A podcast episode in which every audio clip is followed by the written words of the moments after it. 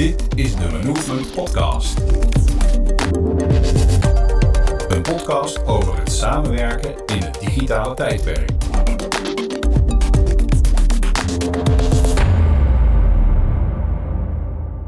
In deze podcast gaan we het vandaag hebben over de Movement Kookworkshop.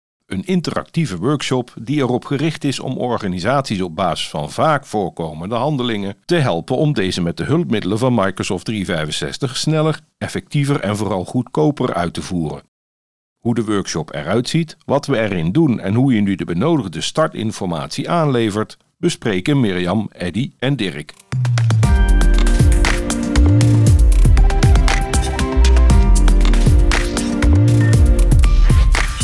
Oké, Eddie, de kookworkshop. Ja, perfect product.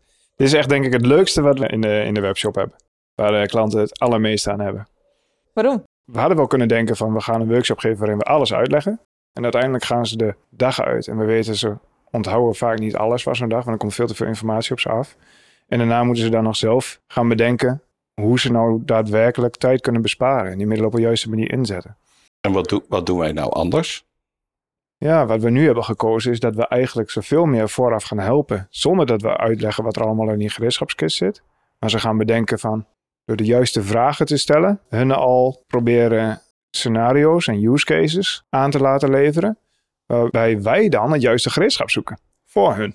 En dat of samen, in de, hè? Ja, of samen met We hen. moeten het samen doen. Hè? Wij, hebben, wij weten welke tools er zijn. Zij vertellen hoe zij werken. Waarvan ze denken, nou, weet je, dat kost heel veel tijd. Doen we heel vaak. eh, Heel veel repeterend. En dus misschien wel denken, kan dat slimmer? En daar kunnen wij bij helpen. Wij kunnen erbij helpen om dat proces te stroomlijnen, te structureren. En in dat proces de tools van Microsoft in te zetten. Die er standaard in zitten. Ja, waarbij we de kracht nu gebruiken dat we niet alle tijd besteden om al die toeltjes uit te leggen. Maar dat wij eigenlijk voor hun de juiste gereedschap zoeken wat ze nodig hebben. Dat bij elkaar plotten.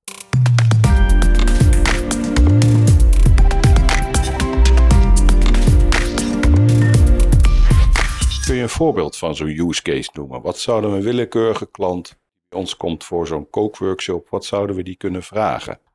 Nou, ik denk dat het heel belangrijk is in de keuze van tools of middelen dat we denken hoe zo'n klant eigenlijk werkt. Dus werken ze vooral heel erg intern samen met elkaar? Mhm. Of werkt, zijn ze heel erg extern georiënteerd? Werken ze veel met partners samen of freelance mensen die ze inhuren of klanten waar ze veel mee eh, eh, informatie uitwisselen?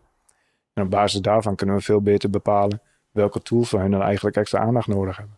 Oké, Hebben ze, hebben ze processen, taken, projecten, hè? bijvoorbeeld het organiseren van een event. Hè, dat doen ze misschien een paar keer per jaar.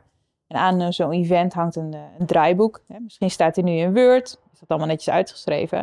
Maar tegenwoordig heb je daar hele mooie tools voor om dit draaiboek te vertalen naar hele concrete acties. Ja. Die acties kunnen we meteen plotten. Hangen we deadlines aan, kun je namen hangen. Er zit een tool bij Microsoft dat je dus niet een ja, een Word-documentje erbij pakt, dat weer leest en dan van daaruit allerlei eh, nou, mailtjes rondstuurt.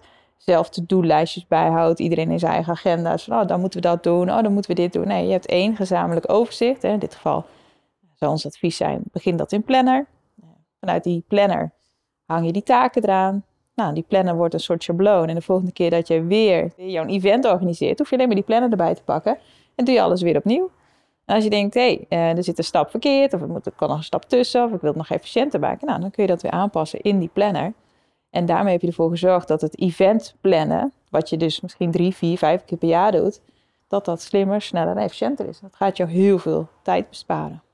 We willen in een dagdeel drie van dit soort cases behandelen. Ik ga het met drie concrete eh, zaken weer naar huis.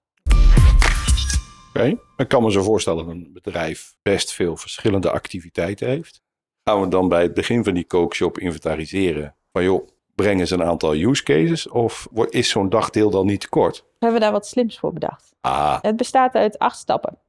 Onze totale workshop traject. Dus we hebben de workshop, dat is iets van stap 5, 6 uit mijn hoofd, maar daar komen we zo.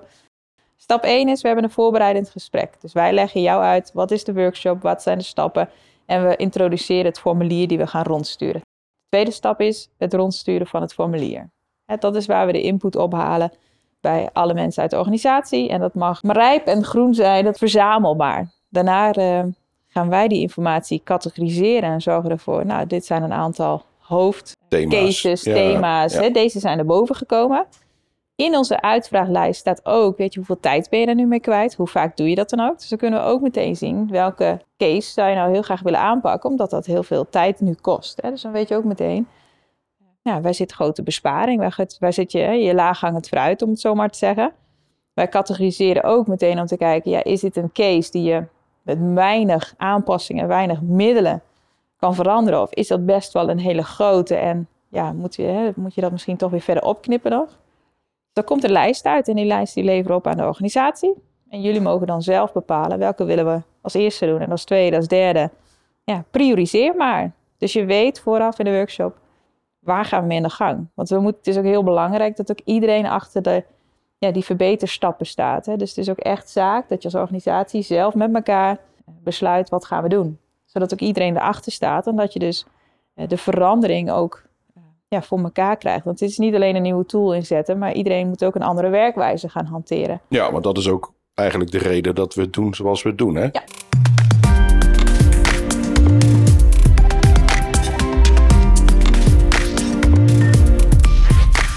Gaat niet zozeer wat Eddie eerder vertelde over heel die gereedschapskist laten zien. Kijk eens, dit zit er allemaal in en dat kun je ermee.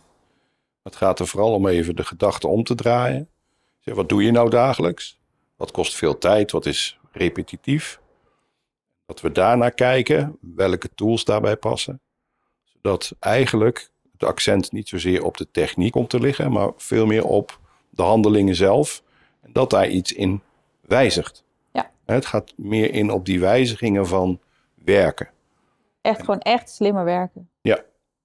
En dan ga je naar huis met een actieplan. En wij willen weten wanneer ga je wat inzetten. Maak afspraken met elkaar.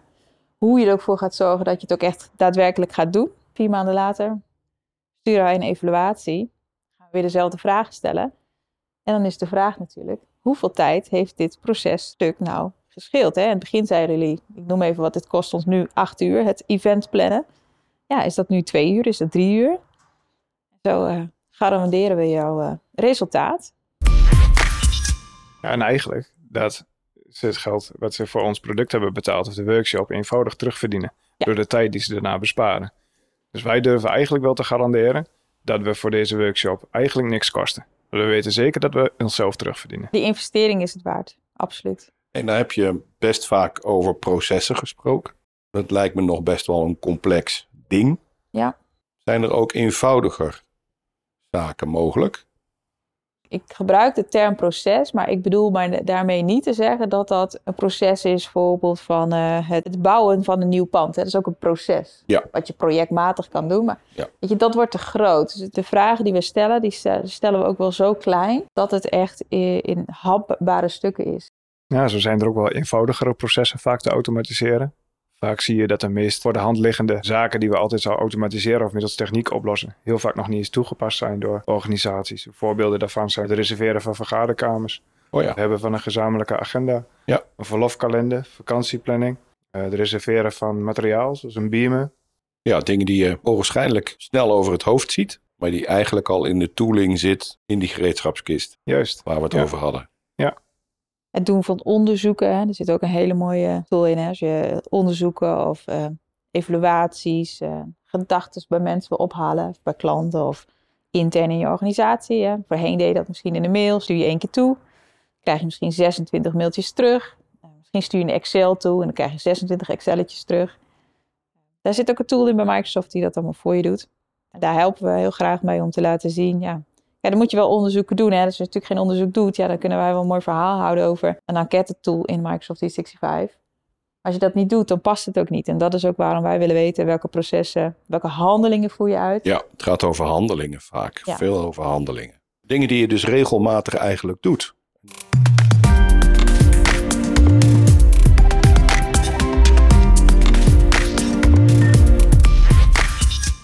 Dus als ik bijvoorbeeld een klant heb en ik, eh, of meerdere klanten. En ik mail iedere dag eh, die klant met bepaalde prijslijsten. Of eh, ik doe die handeling iedere dag om mijn bui- de buitenwereld geïnformeerd te houden. Daar gaan we slimme dingetjes voor in plaats zetten. Exact. Exact. Slimmer, Zodat eigenlijk sneller. dat soort repeterende dingen die vaak voorkomen, minder vaak nodig zijn. En vooral als je denkt over informatiestromen en documentstromen, documentuitwisseling, bestanden sturen. Dat zijn dingen waarbij we zeker weten dat de tooling eh, goed kan helpen en informatie en tijd kan besparen. Ja, en niet alleen dat, het is volgens mij ook veiliger. En veel veiliger, omdat je niet meer informatie hoeft te verspreiden. Je Ja. weet ook zeker dat anderen niet meer met een verouderde versie van die informatie blijven zitten. Eh, waardoor je zeker weet dat eh, iedereen ook altijd up-to-date is van éénzelfde laatste versie. En mensen weten dat vaak al wel bij het platform, dat dat werkt intern. Maar dat werkt ook zeker voor je klanten. Ja. Als je op een juiste manier je informatie kunt delen. Maar het begint nog steeds met die use case, hè? Met, de- met dat geval, dat procesje, dat, Welke handelingen? die handelingen. Welke kunnen we slimmer, sneller, beter maken? Dan, dan pakken we heel het spectrum op, maar dan kijken we ook telkens naar veiligheidsrisico's eh, of juist het beperken daarvan. Of zo'n organisatie met nieuwe handelingen, met een nieuwe werkwijze, tijd gaat besparen. Ja. Dat is het doel, hè? Ja, structuur aanbrengen. Afspraken erover maken, ook met de organisatie. Sommige dingen zitten ook in een stukje procesafspraken maken. Zullen we ook meenemen. Uiteindelijk heb je het hele palet nodig. Ja, en om die use cases te bepalen hebben we een mooie vier bollen techniek. Eerste bol is, ik ben die in dat en dit team. En de volgende stap is dat je eigenlijk goed beschrijft, wat wil je dan eigenlijk? En dat je daarna gaan we beschrijven hoe je dat dan doet, door waar je gebruik van maakt. En uiteindelijk de vierde bol beschrijft netjes welk resultaat je daar dan mee verwacht te halen en wat je daarmee bespaart. Zo eh, documenteren we elke proceshandeling, Ja. zou ik het maar even noemen. Ja. En om zeg maar zo'n handeling in die verschillende handelingen in de handelingsproces hebben we een andere technologie voor. hè. Er, zitten, er zijn allerlei methodes voor om dat eh, op schrift te stellen. En daar zullen we interactief met elkaar mee aan de gang gaan. Het is zeker handig om daar van tevoren zelf ook over na te denken. Waar, waar bestaat eigenlijk die processtappen uit? Even terug naar het, het, het plannen van een event. Wat doen we dan eigenlijk? Wat houdt het eigenlijk allemaal in? Wat komt er eigenlijk bekijken? Ja, we hebben het nu Wat over een event. Een ander mooi praktijkvoorbeeld is natuurlijk ook het sollicitatieproces. Ja, ook een leuke. ook zo'n terugkerend proces waar eh, het een en ander denk ik wel in te automatiseren is. En eh, beter samengewerkt kan worden. Ook een, eh, wanneer er nieuwe medewerkers in dienst komen, een mooi voorbeeld. Of juist wanneer medewerkers het, het pand verlaten. Hoe ga je daar dan mee om? En hoe leggen we dat mooi vast? En kunnen we daar tijd in besparen? En dat zijn toch van die terugkerende handelingen die eh, vaak voorkomen. En als je daar dus ietsjes efficiënter mee omgaat, ja, dan zul je zien, als dat vaak gebeurt, tijd. bespaar je uiteindelijk veel tijd.